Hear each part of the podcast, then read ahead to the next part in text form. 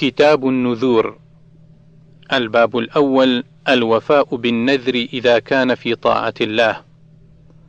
ألف اثنين.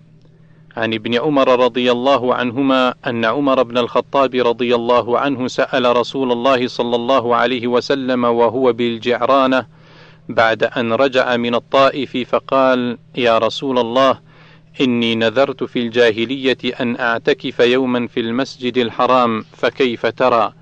قال: اذهب فاعتكف يوما.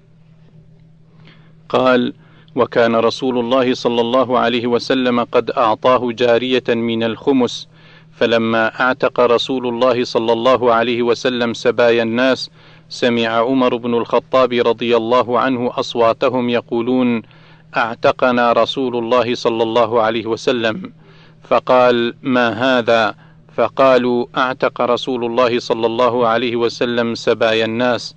فقال عمر يا عبد الله اذهب إلى تلك الجارية فخل سبيلها. أخرجه البخاري 3144 الباب الثاني الأمر بقضاء النذر. ألف ثلاثة.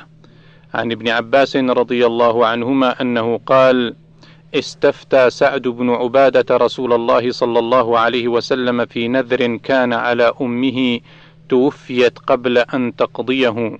قال رسول الله صلى الله عليه وسلم فاقضه عنها. أخرجه البخاري 2761 الباب الثالث في من نذر أن يمشي إلى الكعبة. ألف أربعة عن عقبة بن عامر رضي الله عنه قال نذرت أختي أن تمشي إلى بيت الله حافية فأمرتني أن أستفتي لها رسول الله صلى الله عليه وسلم. فاستفتيته فقال لتمشي ولتركب.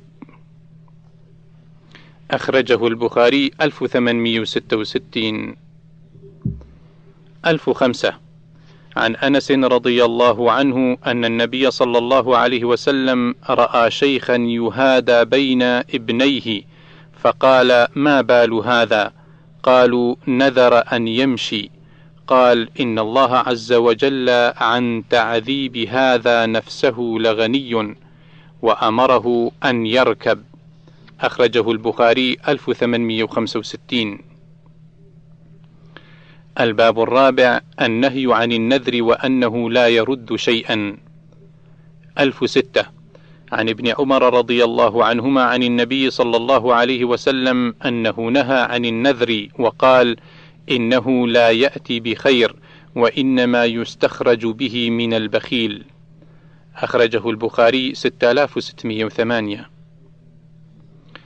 1007 عن أبي هريرة رضي الله عنه عن النبي صلى الله عليه وسلم قال إن النذر لا يقرب من ابن آدم شيئا لم يكن الله قدره له ولكن النذر يوافق القدر فيخرج بذلك من البخيل ما لم يكن البخيل يريد أن يخرج أخرجه البخاري 6609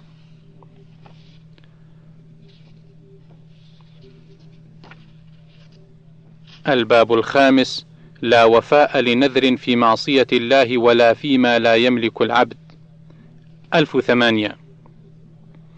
عن عمران بن حسين رضي الله عنهما قال كانت ثقيف حلفاء لبني عقيل فأسرت ثقيف رجلين من أصحاب رسول الله صلى الله عليه وسلم وأسر أصحاب رسول الله صلى الله عليه وسلم رجلا من بني عقيل وأصابوا معه العضباء. فأتى عليه رسول الله صلى الله عليه وسلم وهو في الوثاق قال يا محمد. فأتاه فقال ما شأنك؟ قال بما أخذتني وبما أخذت سابقة الحاج. فقال إعظاما لذلك أخذتك بجريرة حلفائك ثقيف. ثم انصرف عنه فناداه فقال يا محمد يا محمد. وكان رسول الله صلى الله عليه وسلم رحيما رقيقا فرجع إليه فقال ما شأنك؟ قال إني مسلم. قال لو قلتها وأنت تملك أمرك أفلحت كل الفلاح. ثم انصرف فناداه فقال يا محمد يا محمد. فأتاه فقال ما شأنك؟ قال إني جائع فأطعمني وظمآن فاسقني. قال هذه حاجتك. ففدي بالرجلين. قال وأسرت امرأة من الأنصار وأصيبت العضباء فكانت المرأة في الوثاق وكان القوم يريحون نعمهم بين يدي بيوتهم فانفلتت ذات ليلة من الوثاق فأتت الإبل فجعلت إذا دنت من البعير رغى فتتركه حتى تنتهي إلى العضباء فلم ترغو. قال وهي ناقة منوقة. فقعدت في عجزها ثم زجرتها فانطلقت ونذروا بها فطلبوها فأعجزتهم.